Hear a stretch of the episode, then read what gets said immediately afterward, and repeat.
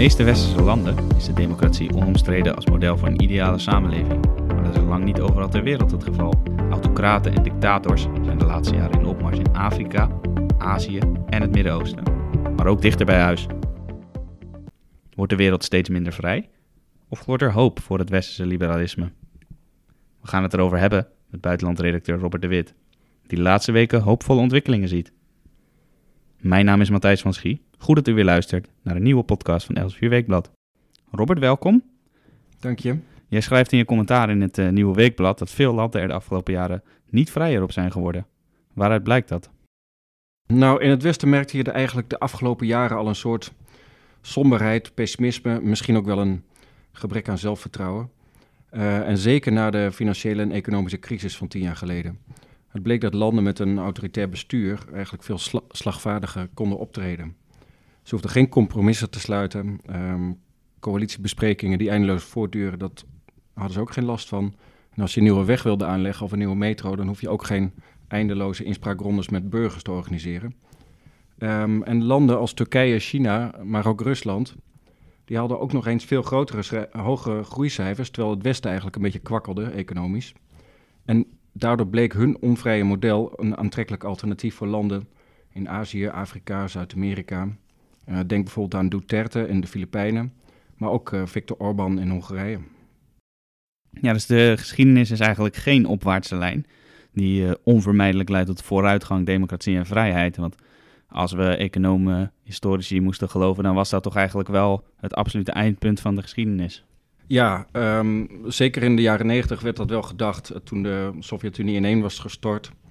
Uh, het kapitalisme had gewonnen van het communisme, de strijd die de, eigenlijk de hele 20e eeuw had bepaald. Zeker de tweede helft van de 20e eeuw. Fukuyama, de, de Amerikaan, die schreef ook al in 1989 zijn essay over het einde van de geschiedenis. Um, de conclusie was eigenlijk landen die het beste wilden voor hun burgers, de meeste vrijheid, de meeste welvaart wilden genereren, die konden het beste het westerse model volgen. Liberalisme, marktwerking, vrijheid en democratie. Nou, dat is vervolgens dus anders gebleken. Ja, uh, een uh, wat zorgelijke trend was gaande, maar de afgelopen weken heb jij toch ook wel wat positieve ontwikkelingen gezien? Welke bijvoorbeeld en in welke landen? Ja, het zijn eigenlijk uh, drie landen waar je dit ziet en precies die drie eerder genoemde landen. Um, in Turkije, um, zondag 23 juni, daar lieten de inwoners van Istanbul zien dat zij genoeg hadden van de toenemende onvrijheid van president Erdogan en zijn partij. Um, een eerste stemronde die werd nog geprobeerd uit te wissen door Erdogan. Maar in de tweede stemronde, afgelopen zondag, stemden zij nog massaler tegen een kandidaat van hem. En na 25 jaar werd het burgemeesterschap uh, afgenomen van zijn AK-partij. Um, iets soortgelijks gebeurde in Hongkong.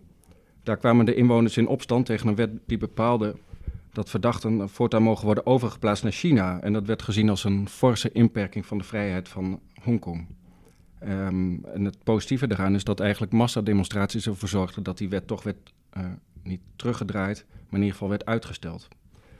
En in Rusland, tenslotte, um, eerder, eerder in juni, um, daar werd een onderzoeksjournalist, Ivan Golunov, uh, valselijk beschuldigd van drugshandel.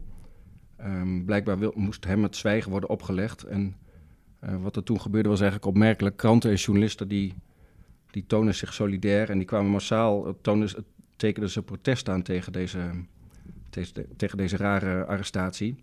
En het meest opmerkelijk is nog wel dat Poetin hiervoor zwichtte en dat hij weer werd vrijgelaten. En dat is toch een duidelijke overwinning voor de persvrijheid in uh, Rusland.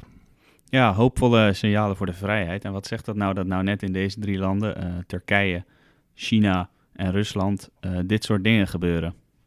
Nou, de, de drie leiders van deze landen, Poetin, Erdogan en Xi Jinping, die wijzen heel duidelijk het westerse liberale model af. Dat, hebben ze, dat doen ze al jarenlang. Um, democratie en vrijheid, uh, zoals wij die kennen, dat zou niet passen bij hun land, bij hun geschiedenis en bij hun cultuur. En nu blijkt eigenlijk dat veel onderdanen van deze drie daar heel anders over denken. Ja, jij, uh, jij schrijft in het blad dat de strijd tussen vrijheid en onvrijheid nog lang niet is gestreden. Dat bedoel je uiteraard ten gunste van de vrijheid. Dat dat een mogelijkheid is dat die vrijheid toch op grotere schaal weer um, gewaardeerd gaat worden.